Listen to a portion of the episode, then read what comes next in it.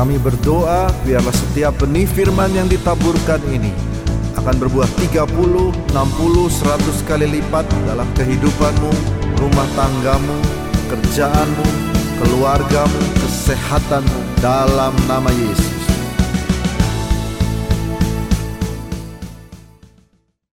Shalom semuanya. Shalom. Ini banyak anak muda di sini. Saya sungguh senang banget hari ini bisa uh, hadir kembali di GBI Cijantung. Uh, saya mengucapkan terima kasih kepada Bapak Gembala di sini, Pak Albert dan juga Ibu Intan atas kepercayaannya sehingga saya bisa sharing firman di sini dan uh, saya tadi begitu masuk ke sini begitu saya bisa merasakan hadirat Allah ada di sini saudara. Kalian adalah jemaat-jemaat yang sangat beruntung. Gembala di sini itu sangat-sangat berintegritas dan sangat-sangat menyayangi umatnya di sini. Jarang saudara. Saya tadi waktu pas masuk saya baca rumahku akan disebut rumah doa dan itu benar adanya.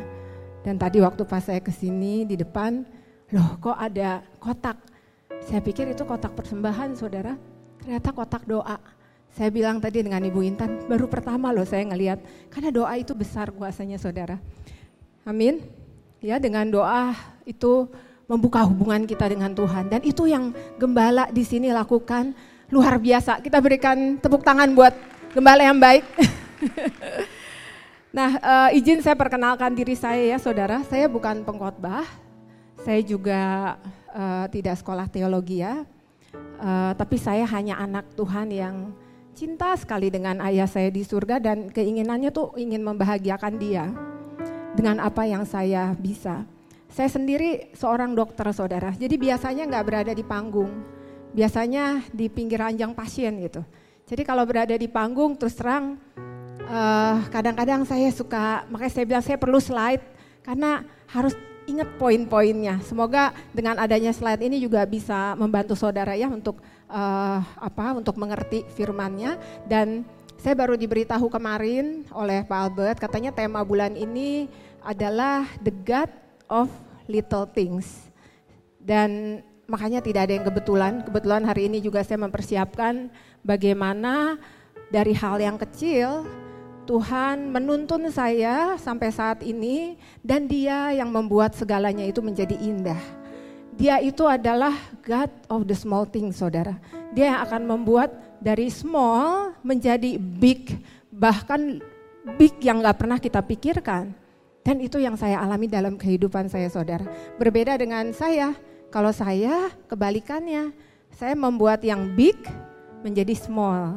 Sama seperti pasien saya tuh berbeban berat semua saudara. Jadi yang datang ke tempat saya itu badannya besar-besar, mereka itu pengen terlihat kecil. Sedangkan kalau kita pengennya kecil terlihat besar ya. Di hadapan Tuhan kita akan dijadikan besar. Tapi di hadapan manusia yang besar harus dikecilkan karena kalau enggak nggak sehat saudara. Salah satunya nih Pak Albert dan Wintan, kita kasih tepuk tangannya udah udah turunnya luar biasa ya. Jadi 17 kilo, ya. saya yakin itu bukan karena kehebatan saya saudara, itu karena kasih karunia Tuhan. Karena kalau ngelihat perjalanan Pak Albert sama Ibu, kalau pergi-pergi itu makanannya luar biasa sih saudara. Saya bilang, wow ini bisa turun, itu sih makanya saudara. Yang penting kita serahkan ke Tuhan, semuanya itu akan dimudahkan. Amin. Nah, uh, saya mau ceritakan uh, mengenai kesaksian hidup saya saudara, karena uh, ini sangat-sangat mungkin um, rema ya firman Tuhan itu benar adanya dan uh, I experience God throughout my life sampai sekarang usia saya 44 tahun saudara. Jadi ini gambar masa kecil saya, saya dilahirkan di Bandung 44 tahun yang lalu itu adalah uh, ibu dan ayah saya dan waktu lahir itu um, ibu saya waktu pas melahirkan itu naik becak saudara. Kita bukan keluarga yang berada nggak ada kendaraan sama sekali. Uh, jadi harus naik beca dan mami saya tuh sendirian karena uh, papi saya harus bekerja dan susah banget hidupnya. Dan karena saya itu mungkin gak sabar mau ngelihat dunia ya saudara. Jadi sebelum dokter datang saya udah keburu lahir ditolong sama suster di Bandung. Nah akhirnya saya lahir Dan dari cerita mami, almarhum uh, mami bilang katanya waktu itu uh, di, saya tuh bayi kecil yang ditaruhnya tuh di tikar. Jadi nggak ada ventilasi. Rumah kita tuh rumah bilik saudara. Jadi jangan bayangkan rumah tembok itu enggak. Itu rumah bilik. Tante saya bilang, aduh kasihan banget deh. Itu bayi baru lahir, ditaruh di tikar di sebuah tempat yang kecil, rumah bilik. Sedangkan papi mami saya di depan berjualan kue. Hah, ngebayanginnya tuh sedih banget saudara susah. Hari demi hari itu susah. Kesusahan sehari hanya untuk sehari, saudara. Saya kalau membayangkan itu rasanya, wah Tuhan itu luar biasa, saudara. Saudara cuma perlu percaya. Kemudian saat usia saya tiga tahun setengah, akhirnya papi mami saya e, mengadu nasib ke Jakarta dan keadaan tuh bukannya semakin baik. Dan mereka tuh berjualan kue, mungkin saudara tahu pasar Senen itu kue subuh ya. Bukan toko saudara, itu emperan. Jadi di pinggir, di tangga gitu. Saya kalau pulang sekolah tuh pasti ngebantuin mereka bungkusin kue, bungkusin bolu gitu. Dan kalau lagi libur saya bantuin. Jadi kue subuh itu artinya subuh hari. Jadi jualannya itu jam 3 subuh sampai jam 7 pagi atau enggak jam 8 pagi. Jadi kehidupan mereka tuh kebalik. Kasihan saudara, pendapatannya nggak seberapa, boro-boro kami nggak punya mobil, kami nggak punya rumah, rumah kami kontrak, dan setiap hari, mas hari demi hari itu dilewatkan dengan uh, ya kesusahan sehari cukup untuk sehari saudara. Tapi tidak pernah sekalipun kita mengeluh, sedikit pun yang kita terima bersyukur. Dan sampai akhirnya satu ketika, ketika tahun 1994, ini udah zaman tahun 90-an ya saudara, saya kurang lebih ingat seperti itu, itu harga bahan baku tuh naik banget gitu. Jadi mereka tuh udah nggak bisa lagi jualan kue. Akhirnya pindah-pindah kontrakan saudara cari yang lebih murah. Hidup saya tuh waktu SMP itu pindah dari satu kontrakan demi satu kontrakan. Sampai satu ketika nggak ada lagi sama sekali uang untuk uh, bayar saudara. Sampai akhirnya papi saya tuh pengen menjadi supir taksi. Tapi saya nggak memperbolehkan, saya bilang papi jangan, kasihan gitu. Kebetulan saya dikaruniakan oleh Tuhan kemampuan matematika yang lumayan saudara. Jadi waktu saya SMA itu saya ngebantu perekonomian dengan mengajar. Saya ngelesin teman-teman sekelas. Lumayan, satu bulan 200 ribu dan itu semuanya saya serahin ke papi. Saya bilang, ini buat nambah. Kecil saudara, itu little things. Nggak besar, cuma 200 ribu, bukan 200 juta ya. Tapi kita lakukan dengan setia. Saya setia, saya kasih ke mereka.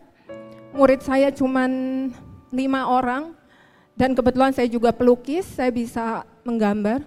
Saya ngajar anak-anak kecil, Nggak banyak saudara, cuma dua orang muridnya. Saya masih SMA, umur saya masih 16, 15 tahun, tapi saya udah ngajar. Sampai akhirnya satu ketika udah sama sekali nggak ada uang. Dan akhirnya kita harus pindah dan nggak tahu ke mana. Namun satu dari uh, saudara mami, dia punya rumah yang eh, nggak uh, dipakai gitu Akhirnya kita numpang di sana saudara, itu rumah kosong yang nggak dipakai. Dan puji Tuhan saat itu mami dengan kemampuannya memasak, dia bisa jualan nasi padang gitu ya. Dan itu pun saya kasihan ngelihatnya karena setiap pagi papi tuh naik motor yang butut. Itu di kiri kanan tuh pernah saya lihat pagi-pagi itu nggak pernah hilang dalam benak saya sampai hari ini. Dia ngebawa sayur saudara, kiri kanan itu, aduh Kasihan banget, saya waktu itu umurnya masih sekitar 16 tahun. Dan ketika saya pulang sekolah saya bantuin mereka untuk jualan. Saya bantuin ngelayanin, pokoknya apa pun yang saya bisa saya lakukan. Dan tidak ada sedikit pun rasa sedih atau bersungut-sungut, kita bersyukur. Yang penting kita sehat. Dengan apa pun yang kita punya, sedikit, itu kita bersyukur, kita berdoa, makasih Tuhan, Mami saya selalu ngajarin, ya udah, yang penting kita sehat, nggak sakit, besok bisa cari lagi. Dan dalam keadaan itu masih berbagi, saudara. Ketika ada murid yang beberapa dari murid juga orang pas-pasan, itu papi mami tuh kalau muridnya belum dijemput, dia kasih makan, saudara. Ada satu murid saya uh, yang uh, apa kemarin dia DM saya, dia udah gede, udah umur 20 sekian. Dia bilang, kak, kakak, manggilnya kakak, Kak Cici masih ingat saya enggak? Sekarang dia manggil Adit, Adit gemuk, kak boleh nggak Adit ke klinik? Luar biasa saudara, itu ketika saya flashback, dia bilang, waktu itu Adit tuh suka sebelum dijemput, papinya kakak tuh baik banget ngasih nasi padang, karena dia bukan orang yang punya saudara. Jadi suka kasihan. Nah akhirnya mami bilang, Sisi harus masuk sekolah negeri ya. Mami nggak punya uang, kalau nggak nggak usah kuliah. Saya belajar dengan giat, saudara. Akhirnya saya keterima di FKUI, saudara. Saya waktu itu daftar dua, satu di FKUI, pilihan keduanya di FK 4 keterimanya justru pilihan yang ke satu, padahal itu satu dari 3.000 orang saudara. Dan saya yakin itu bukan karena kepintaran saya, itu karena saya mengandalkan Tuhan. Karena mami saya setiap hari doa sama Tuhan. Dia menengadah ke langit setiap kali cuci baju, dia bilang Tuhan selamat pagi. Tuhan akhirnya satu ketika nanya, kamu minta apa? Dia bilang, saya cuma minta anak saya sukses. Terus saya juga daftar di ITB, saudara, seni rupa. Tapi nggak keterima. Makanya jalannya bukan jalanku. Apa yang kita rencanakan, tapi kalau bukan rencana Tuhan nggak bisa, saudara. Papi mami saya senang banget ketika saya keterima di FKUI, tapi muncul lagi satu masalah, gimana bayarnya? Murah sih, 400 ribu, tapi bagi kami saat itu 400 ribu itu untuk satu semester segalanya saudara. Itu mungkin dari sisa dari satu bulan ya, itu kita bisa bayar itu aja udah bersyukur. Belum disuruh beli buku kedokteran tuh mahal saudara, itu saya ingat banget disuruh beli buku Sobota dua jilid, 800 ribu. Belum lagi disuruh beli stetoskop, itu mahal, beli tensi, mahal. Tapi puji Tuhan, Tuhan menyediakan melalui tangan orang-orang yang memberi kasih hadiah dan akhirnya kita cuma ngeluarin uang untuk biaya sekolah aja. Sampai satu ketika saat penerimaan dipanggil uh, apa seluruh yang diterima ya. Karena papi saya itu seorang pelukis, dia itu nggak pernah pakai celana panjang saudara, dia maunya celana pendek dan nggak pernah pakai sepatu, jadi nggak punya sepatu, nggak punya celana panjang, dia punyanya celana pendek. Saudara bayangkan datang ke FKUI, 200 orang saat itu yang keterima dalam satu angkatan, duduk paling belakang dan si profesornya bilang sebutin namanya satu-satu yang keterima ya. Dia bilang selamat, kemudian ketika nama saya disebutin, papi saya berdiri, lalu gini saudara, Fuit, gitu. Saudara tahu ya, kalau orang zaman dulu tuh mungkin karena teman-temannya, kata mami saya, hus, malu aja gitu. Emang ngapain nih kata saya, ya biasa sumbangan sukarela untuk pembangunan. Terus mami nyumbang berapa? Ya nggak nyumbang. Mau nyumbang pakai apa katanya? Puji Tuhan, tapi tidak dibeda-bedakan saudara. Nah sampai akhirnya saya lakukan itu dengan setia, saya dianterin dengan motor yang butut, itu motornya bukan motor bagus saudara, motor yang sangat jelek. Mogok selalu, rumah saya di Sunter, jadi kalau mau ke FKUI Salemba itu pasti lewat Kemayoran kan, itu kan ada jembatan tuh, kalau hujan kita neduh di situ, mogok lagi. Kalau kena hujan mogok. Jadi sering kali saya telat. Pernah satu kali saya telat karena mau ke tornya rusak dan banjir besar. Saya telat ujian saudara. Hari itu hari ujian. Saya jongkok di depan, papi saya nyari nyari kendaraan yang yang mau membawa saya untuk uh, bisa sampai ke kampus. Akhirnya ada satu bapak-bapak ya ternyata dia bukan tukang ojek, dia hanya seorang tetangga gitu yang baik hati ya dan akhirnya saya sampai di kampus, teman-teman saya udah pada selesai ujian, saya lari ke dalam. Mereka bilang, Cis gimana ujiannya? Aduh gue baru sampai. Hah bohong lu baru sampai? Iya baru sampai saya lari ke dalam. Saya bilang dalam hati, aduh ini dosennya pasti marah nih. Begitu nyampe dalam, tahu nggak dokternya bilang apa? Saya bilang, dok maaf saya telat, saya kehujanan dok tadi nggak ada kendaraan. bajunya basah semua karena kena hujan, karena banjir. Terus dia bilang, kamu kenapa? Kok pucat amat mukanya? Saya bilang, emang muka saya pucat ya dalam hati ya. Ayo, ayo ujian aja di ruangan saya, nggak apa-apa, nggak apa-apa katanya. Udah makan belum? Dia kasihan saudara ngelihat saya. Mungkin karena setiap hari saya capek saudara. Sekolah kedokteran tuh nggak gampang, itu dari jam 7 pagi sampai jam 4 sore. Begitu pulang jam 4 sore saya harus ngajar. Karena buat membantu papi mami saya, karena nggak cukup saudara dari jualan nasi padang. Dari jam 4 sore sampai jam 10 malam, itu saya ngajar. Saya sering kali pulang tuh jam 11 malam. Dan saya cuma bisa belajar satu jam setiap harinya. Tapi puji Tuhan, Tuhan mampukan. Dan saya lulus sebagai lulusan termuda, saudara. Lulusan termuda dengan nilai yang baik, di atas rata-rata. Saya nggak kumlaut, saudara. Tapi nilai saya, puji Tuhan, bagus. Dan semua teman-teman nggak percaya kalau saya bilang saya belum belajar, saya belum belajar. Tuhan mampukan, saudara.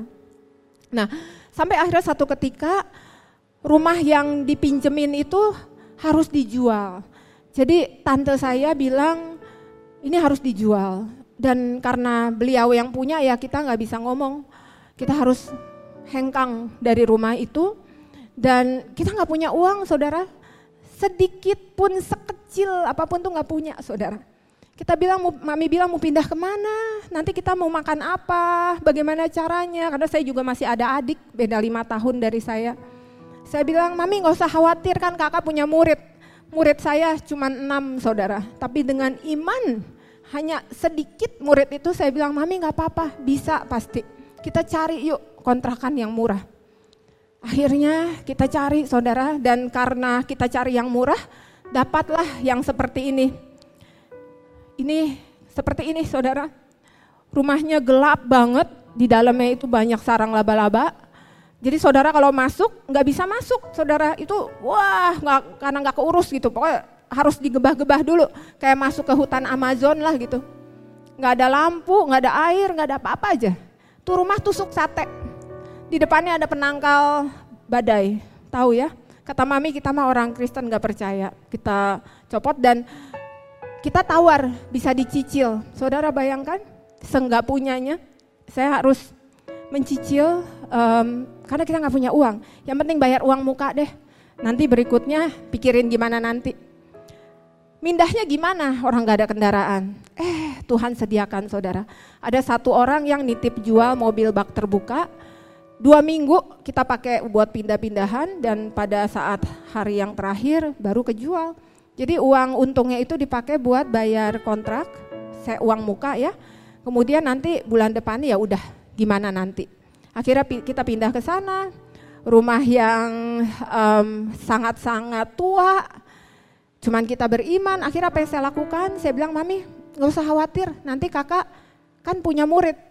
Pulang kuliah saudara, saya jalan dua jam. Dari rumah ke rumah dengan setia. Satu brosur demi satu brosur. Yang kecil saya ikat satu-satu dengan tal, dengan tali apa benang wol saya gantungkan di setiap rumah. Makanya kalau muka saya ada flag, saya bilang ini hasil kenang-kenangan zaman dulu karena setiap hari saya bagikan brosur dengan setia. Perkara kecil saudara, nggak ada satupun orang yang memandang. Saya datang ke sekolah, saya bagikan brosur, saya udah tahu ini sekolah jam berapa keluarnya. Dan setelah bagikan brosur saya ngajar saudara. Akhirnya murid saya yang tadinya enam, Tuhan tambahkan jadi 10, jadi 20, jadi 30, 40, berlipat kali ganda saudara. Murid saya sampai, jadi kalau teman-teman saya mempersiapkan pelajaran kedokteran, saya mempersiapkan pelajaran menggambar. Jadi di FKUI itu saya sudah dikenal mana sisi yang pinter gambar itu. Karena kerjanya saya gambar dan namanya dokter itu kan harus jaga malam. Saya nggak bisa jaga malam hari biasa karena saya harus ngajar sampai malam. Murid saya banyak saudara, sampai saya selesai kuliah aja murid saya mungkin kurang lebih ada 200 orang. Dan mereka semua dipelihara Tuhan, mereka memenangkan lomba internasional, lomba nasional. Saudara bayangkan saya bukan sekolah seni rupa, saya saya dokter. Tapi ketika tangan kita ini kita berserah pada Tuhan, tangan Tuhan yang urapin saudara. Tuhan yang memberikan dari hal kecil menjadi besar. Dan terakhir murid saya kemarin ada 500 orang saudara dari anak-anak yang mampu maupun yang tidak mampu, anak-anak dengan kebutuhan khusus sampai anak-anak dengan uh, apa dengan yang berprestasi baik internasional maupun nasional. Semuanya Tuhan cukupkan saudara. Dan itu terus saya lakukan dengan setia. Setiap hari kita begitu habis selesai ngajar kita beresin. Kita harus sikat mejanya karena mejanya itu kan kotor banget itu setiap hari saudara, itu kita lakukan dengan setia. Sampai akhirnya saya lulus jadi dokter, saya selesai S1, kemudian saya ambil lagi saudara S2 ya. Dan semua yang saya terima nggak pernah sepeser pun saya ambil buat diri saya sejak saya mengajar sampai saya praktek semua yang saya punya itu saya kasih buat papi mami saya. Karena bagi saya mereka yang layak, bukan saya saudara. Kalau saya bisa ada itu semua tuh karena doanya mereka, bukan karena saya. Dan semua tuh karena the greatness of God saudara. Bukan karena kepintaran saya, bukan karena kehebatan saya. Semua yang saya lakukan tuh hanya untuk menyenangkan mereka. Sampai akhirnya mereka dipanggil Tuhan saudara. Itu tahun Mami tahun 2015, Papi tahun 2019 dan masih ada nenek saya, saya jagain dia dan dia juga dipanggil Tuhan tahun 2021. Rasanya saya belum puas untuk bahagiain mereka. Dan ketika mereka udah nggak ada, Tuhan ingatkan saya, kamu nggak usah sedih, kan masih ada saya, Bapak di surga. Saya, kita punya Bapak surgawi, saudara. Dan saya bilang Tuhan, saya ingin menyenangkan Engkau dan Tuhan pemilik segalanya. Saya bilang, aduh kayaknya yang saya kasih gak ada apa-apanya dibandingkan dengan yang saya kasih ke papi mami saya. Makanya Tuhan minta waktu saya, saya berikan untuk dia saudara. Dan dari sepanjang masa kehidupan saya, gak pernah kita ada keluar kata sungut-sungut, gak pernah saudara. Dan mami selalu ngajarin bahwa sekurang-kurangnya kita selalu bisa berbagi dengan yang lain. Dan dari yang kecil itu Tuhan tambahkan. Dan akhirnya saya praktek saudara, pasien saya tadinya cuma satu, cuma dua, dan akhirnya lama-lama jadi banyak saudara. Dan itu bukan, kita berikan kemuliaan buat Tuhan. Dan mereka datang itu bukan cuma beban berat secara tubuh saudara, mereka dengan beban berat yang lain. Jadi banyak yang datang itu dengan fatty liver, ada satu pasien kemarin dengan hipertensi, dengan kolesterol, ada satu bapak-bapak kemarin dia datang, um, dia nungguin saya cukup lama, saya satu jam mungkin nungguin saya, begitu saya nyamperin. Karena suster bilang dia mau ketemu saya, saya nyamperin matanya berkaca-kaca saudara, saya pikir dia kelamaan nungguin saya. Ternyata dia mau cerita, dia bilang dokter makasih ya, ini hasil lab saya, saya punya fatty liver 11 tahun gak pernah turun SGOT SGPT-nya itu 120. Harusnya di bawah 35 saudara. Dan baru kali ini turun. Normal 27 baru program 3 bulan. Dia mau nangis saudara, makasih ya dok. Saya bilang, saya sendiri sebagai dokter di bumi ini, saya tahu bahwa ini kerjaannya Tuhan. Allah kita Allah yang besar, dia yang menyembuhkan saudara. Dan ada satu lagi kemarin pasien saya di anak Tuhan, dia um, dia sudah tidak mens 20 tahun ya.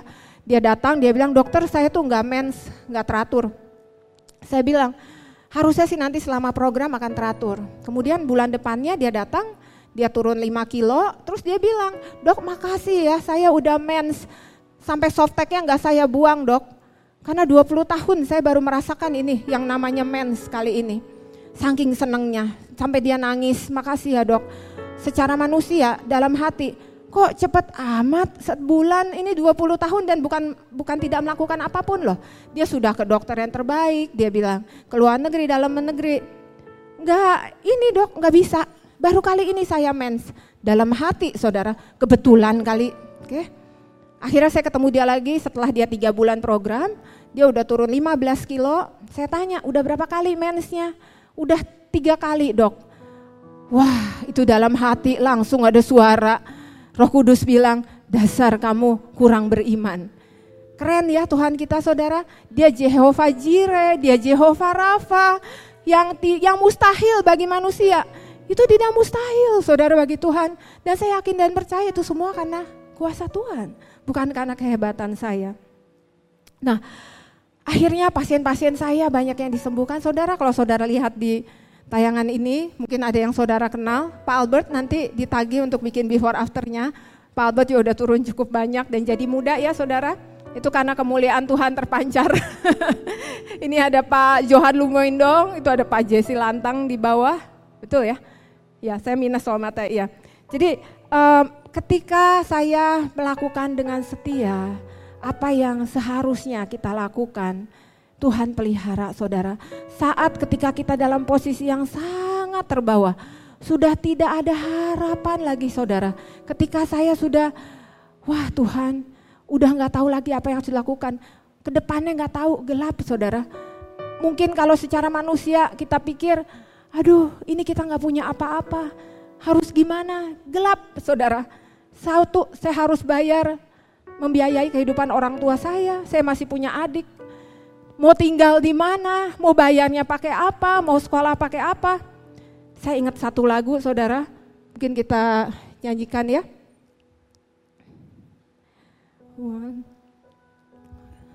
Walau ku tak dapat melihat semua rencanamu Tuhan Namun hatiku tetap memandang padamu Kau tuntun langkahku Walau ku tak dapat berharap atas kenyataan hidupku. Namun hatiku tetap memandang padamu, kau ada untukku. Amin saudara. Allah yang setia, Allah yang selalu ada di dalam setiap masa kehidupan kita. Kita baca sama-sama ayatnya ya. Ini uh, di Filipi 4 ayat 6 saudara. Ini yang saya lakukan, yang orang tua saya lakukan. Ayat ini berkata, janganlah hendaknya kamu khawatir akan apa pun juga. Tuhan itu kalau bilang kita untuk melakukan sesuatu, Tuhan itu pasti ngasih caranya saudara. Apa yang Tuhan bilang? Tetapi Nyatakanlah dalam segala hal keinginanmu kepada Allah dalam doa dan permohonan dan ucapan syukur. Jadi apa yang harus kita lakukan? Kita harus doa, Saudara. Rumah Tuhan itu disebut rumah doa, bukan rumah uh, pujian yang hebat, bukan rumah kegiatan sosial yang hebat, bukan Saudara. Tuhan Yesus bilang, "Rumahku akan disebut sebagai rumah doa. Kenapa? Karena doa itu membangun relationship kita dengan Tuhan. Doa itu penting banget saudara. Itu adalah the biggest weapon. Senjata yang paling harus kita pegang. Saudara ingat kisah Maria dan Marta? Siapa yang Tuhan berkenan? Marta atau Maria? Maria. Kenapa? Karena dia duduk, dia intim, dia mau dengar Tuhan ngomong apa sih sama dia. Tapi sedangkan Marta sibuk dengan kegiatan yang lain, dia pikir dia menyenangkan hati Tuhan. Enggak saudara, Bapak kita itu pengennya kita menghabiskan waktu dengan dia. Dan itu enggak ada hubungan dengan serapa, seberapa sering saudara datang ke gereja, seberapa banyak pelayanan saudara. Enggak ada hubungannya dengan apakah saudara berbuat baik kepada orang, enggak ada hubungannya dengan saudara melayani sebagai asyir atau imam musik, enggak ada hubungannya saudara. Yang ada hubungannya itu adalah itu hubungan kita pribadi. Setiap hari merenungkan firmannya siang dan malam hubungan kita dengan dia saudara sama seperti saudara kalau punya anak anak mana yang saudara berkenan pasti anak yang maunya dekat-dekat sama kita kan ya makanya iblis tahu mengenai hal ini sehingga apa yang dia lakukan, yang dia mau apa? Dia putuskan itu saudara. Jadi fokus kita ke alih, kita nggak fokus lagi sama Tuhan. Kita fokus disibukkan dengan yang lain. Padahal yang harus kita lakukan adalah fokus dengan Tuhan. Dan banyak hamba Tuhan sekarang yang dapat rema yang sama, saudara. Saya punya anak tiga, yang paling besar itu usianya 10 tahun dan setiap hari kami luangkan waktu untuk membaca firman Tuhan. Satu ketika dia bilang gini, dia bilang, "Mom, you know God speak to me." Pagi-pagi saudara, saya kaget. Emang Tuhan bilang apa? God speak to me, Mom. I really hear that voice. Itu beneran God. Saya masih masih celangapan kaget saudara. He told me that we have to focus on him. We have to focus on God, Mom. Anak kecil saudara dan bukankah ditulis di Alkitab pada hari-hari terakhir anak-anak akan mendapatkan rema. Teruna-terunamu akan mendapatkan mimpi. Itu yang akan terjadi, Saudara. Ya, dan jangan lupa apa yang apa yang Filipi 4 ayat 6 ini katakan, kita harus mengucap syukur. Karena dengan mengucapan syukur itu akan membuka Saudara, apa pun yang Tuhan punya, itu akan membukakan dilimpahkan kepada kita. Saya ada satu cerita Saudara, anak saya yang paling kecil itu usianya 4 tahun, perempuan satu-satunya. Dia lucu banget. Dia senang banget yang namanya anak perempuan kalau dikasih yang lucu-lucu tuh dia pasti happy ya. Dan pasien saya itu eh, baik-baik saudara, termasuk Pak Albert. Wah saya kelimpahan saudara. Kalau anak saya ulang tahun, hadiahnya banyak banget, banyak benar-benar banyak banget. Kan nggak mungkin saya kasih ke mereka sekaligus. Saya taruh di lemari saudara jadi kalau dia berbuat baik kayak Sheryl ulang tahun tuh, nanti kalau dia baik saya kasih satu. Terus dia bilang gini, Mam, thank you, is this new mam? Iya ini baru. Oh dia seneng banget, bersyukur saudara dengan hanya satu. Padahal kalau aja dia tahu itu banyak banget hadiah yang emang udah jadi miliknya dia. Kita tuh anaknya saudara, kita harus tahu otoritas Tuhan itu ada di dalam kita. Dan musuh tahu itu saudara. Musuh kita tahu bahwa saudara adalah anaknya. Saudara sudah diberikan otoritasnya, kemuliaannya, wewenangnya. Dan dia nggak mau kita tahu itu sehingga dia putuskan hubungan itu dengan Tuhan. Maka apa harus kita lakukan? Kita harus bersyukur dan berdoa saudara. Meskipun dalam hal kecil. Dan um, saudara tahu kita berada di hari-hari terakhir. Dan hari-hari terakhir ini yang kita perangi itu bukannya tubuh saudara. Jadi kalau ada pasangan kita nyebelin, teman kita nyebelin, itu bukan dia saudara. Kita tuh sekarang lagi berperang di alam roh. Makanya Tuhan perlengkapi, kita harus memakai persenjataan Allah. Dan saudara lihat persenjataan Allah kalau kita baca di Efesus 6 ayat 18, apa yang terakhir dikatakan? Semua persenjataan itu dan terakhir Tuhan bilang apa? Kamu harus ucapkan dalam doa dan permohonan. Jadi mau itu berikat pinggangkan kebenaran, firman Tuhan, berbaju jirahkan righteousness, ya, punya ketopong keselamatan, dengan pedang roh, firman Tuhan, dengan perisai iman. Tapi ujungnya apa? Kita harus doa sama Tuhan. Baru kita bisa menang saudara. Nah kita lihat satu contoh di Alkitab.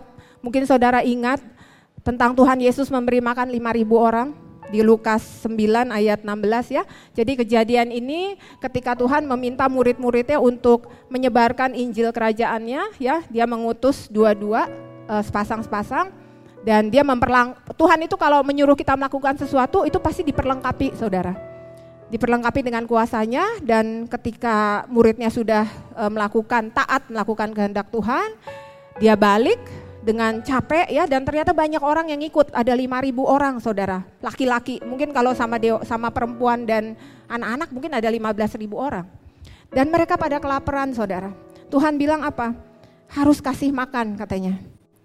Terus Tuhan nanya punya apa di sini gak ada apa-apa saudara Alkitab berkata hanya seorang anak kecil saudara lihat bukan pembesar anak kecil dan dia cuma punya berapa lima roti dan dua ikan. Untuk makan dua belas rasul aja juga nggak cukup. Tapi apa yang rasulnya buat? Kita cuma punya ini Tuhan. Akhirnya apa?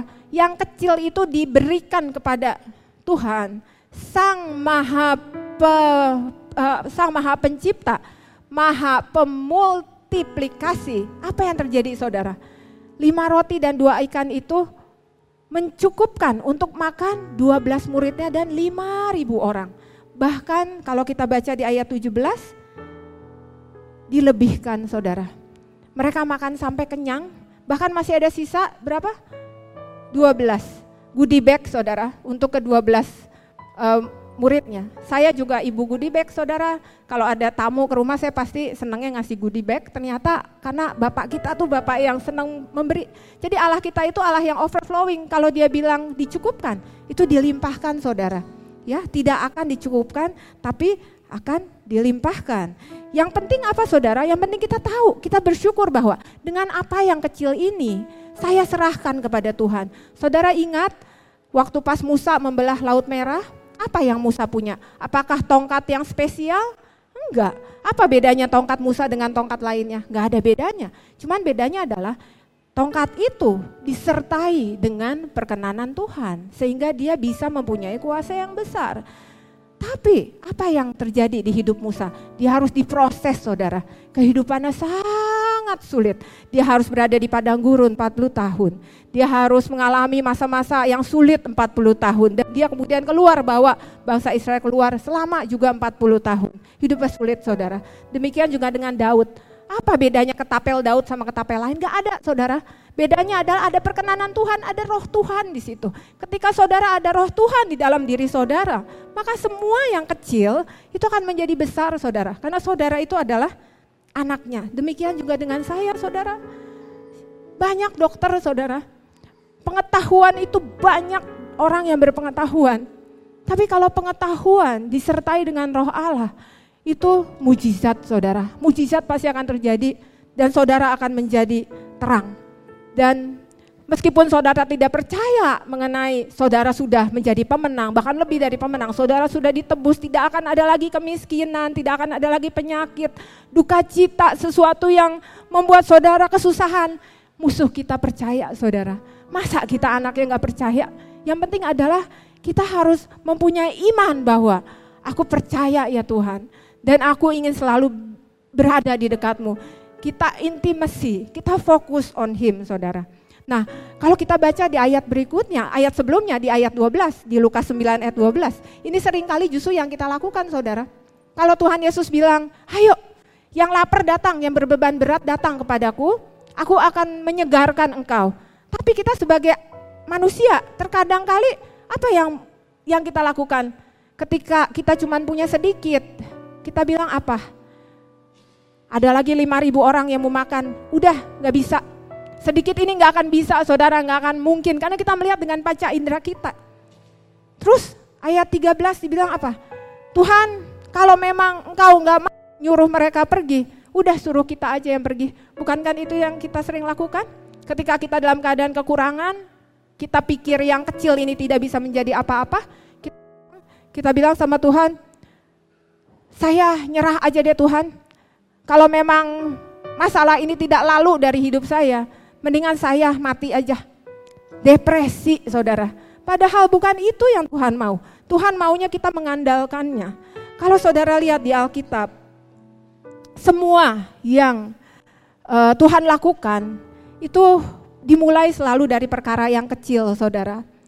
Dari 5.000 orang yang tadi diberi makan, itu dari hanya anak kecil dengan lima roti dan dua ikan dan kalau kita membaca kisah Daud, dia cuma gembala domba, saudara. Tapi Tuhan mampukan dia menjadi raja. Bahkan dia anak yang ter, terakhir dan tidak ada satupun yang berpikir bahwa dialah yang akan dipilih, anointed by God untuk menjadi raja. Kalau kita lihat Yusuf, dia dibuang menjadi tahanan. Siapa yang berpikir bahwa dia akan memimpin? Dan juga Tuhan Yesus juga lahirnya di kandang domba, saudara. Itu bukan di mungkin orang Israel waktu itu mendambakan Mesias datang itu lahirnya dengan wah. Tapi enggak saudara, dia lahirnya di kandang domba. Dan juga kalau kita lihat uh, Rasul Paulus ya bilang apa di 2 Korintus kita baca ya saudara. Di 1 Korintus uh, 1 ayat 27. Apa yang bodoh bagi dunia justru dipilih Allah untuk memalukan orang-orang yang berhikmat. Dan apa yang lemah bagi dunia justru dipilih Allah untuk memalukan yang kuat. Dan ketika Rasul Paulus minta Tuhan menghilangkan kelemahannya, dia bilang ini seperti duri dalam daging. Apa yang Tuhan katakan? Kasih karuniaku cukuplah itu bagimu. Jadi yang saudara perlukan itu bukan kehebatan saudara, bukan kepintaran, bukan kekerenan saudara, itu yang musuh saudara mau. Musuh saudara maunya saudara mengandalkan kehebatan saudara. Musuh saudara maunya you rely on yourself. Musuh saudara senang banget kalau saudara bilang, oh aku cakep banget, aku keren banget, aku ganteng banget, aku pinter banget, aku dapat cum laude S1, S2, S3 nih, S4. Aku koneksinya banyak, saya baru ketemu sama siapa, siapa, siapa. Oh musuh kita senang banget saudara itu artinya apa? Kita rely on ourselves. Padahal yang Tuhan mau, we rely on Him. Ketika kita bersandar sepenuhnya pada Dia, maka semua kuasa yang besar yang gak pernah saudara lihat, gak pernah saudara pikirkan, itu akan terjadi di dalam kehidupan saudara. Ya bahkan kalau saudara lihat, Tuhan Yesus bilang, kerajaan Allah aja disamakan dengan biji sesawi, saudara. Biji sesawi itu kecil banget, itu biji yang terkecil di antara semua biji yang lain. Area itu cuma satu milimeter saudara. Tapi ketika dia ditanam di tanah, itu matahari menyinari, akan ada kesuburan dari dalam pupuk, vitamin, mineral yang Tuhan berikan. Apa yang terjadi? Dia akan tumbuh menjadi pohon yang besar saudara. Saudara tahu tingginya itu bisa menjadi 6 meter. Itu berarti dilipat kali gandakan 6000 kali saudara. Kerajaan Allah itu seumpama biji sesawi. Biji sesawi itu gak ada apa-apanya. Dan bahkan Tuhan bilang seperti anak kecil saudara. Jadi Tuhan tuh gak pernah pakai perkara besar tuh gak dilihat saudara. Karena dengan perkara kecil akan dinyatakan kemuliaan Tuhan. Tuhan akan memberi lihat ke semua orang bahwa lihat ini aku yang melakukan. Jalanku bukan jalanmu, pikiranku bukan pikiranmu. Kalau kita mengandalkan pikiran kita, Gak akan bisa saudara. Kerajaan Allah saja disamakan dengan seorang anak kecil. Ya Tuhan Yesus bilang datanglah eh, anak-anak itu kepadaku karena merekalah yang mempunyai kerajaan surga. Dan kalau saudara tahu kerajaan Allah sebentar lagi saudara. Kita sudah deket banget. Tanggal 15 sampai 17 September ini kalau orang Yahudi itu kan pakai kalendernya bukan kalender Gregorian ya, itu kalender berdasarkan bulan. Nah makanya suka diubah-ubah. Kalau Gregorian itu mengandalkan matahari. Kalau Tuhan itu melihatnya dengan bulan saudara. Jadi kalau bulan itu mulai ada cahaya, itu baru mulai bulan yang baru. Nah tahun bulan ini tanggal 15 sampai 17 September ini yaitu sampai hari ini. Ini adalah tahun yang baru bagi orang Yahudi yaitu tahun 5784. Nah, di Israel itu setiap huruf, setiap kata tuh ada artinya saudara. Saudara tahu 74 itu adalah pay dalet. Pay itu artinya uh, mulut. Jadi saatnya kita memperkatakan firman, berani bersaksi tentang Tuhan.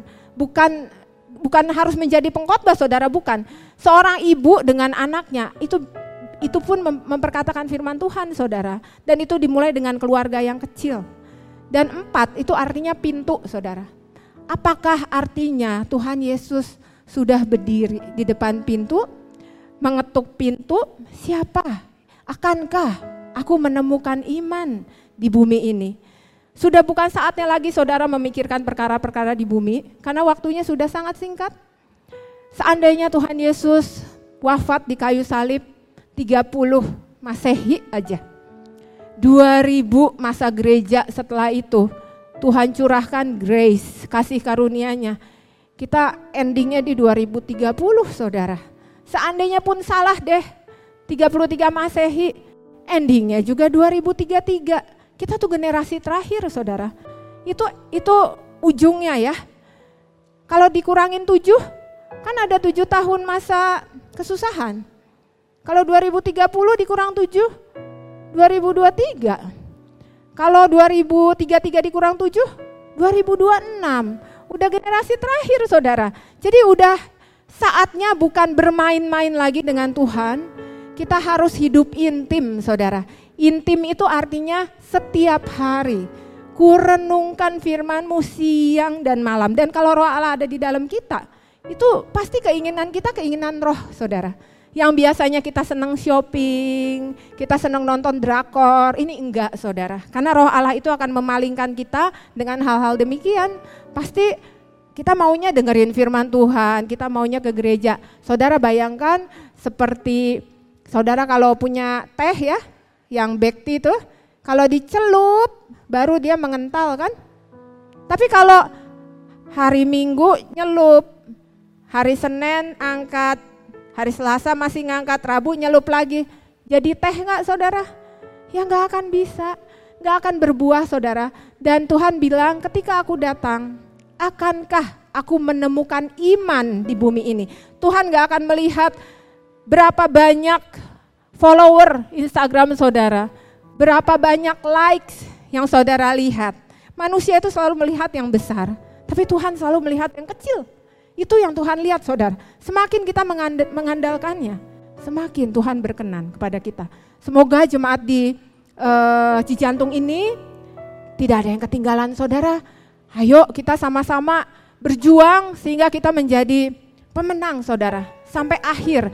Dan sebentar lagi segala kesusahan yang saudara miliki hari ini itu akan dihapuskan saudara. Apa yang tertulis di Alkitab itu ya dan amin. Kalau kedatangan yang pertama sudah jelas terjadi.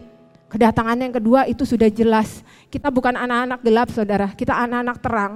Tuhan bilang, kamu anak-anak terang. Jadi kedatanganku tidak seperti pencuri karena kamu anak-anak terang. Kita tahu masanya. Kalau saudara lihat sekarang, wah udah takut banget saudara. Segalanya udah, saudara lihat kemarin ada gempa, ada badai, badai Daniel kemarin. Itu hampir-hampir gak ada jeda, setiap bulan.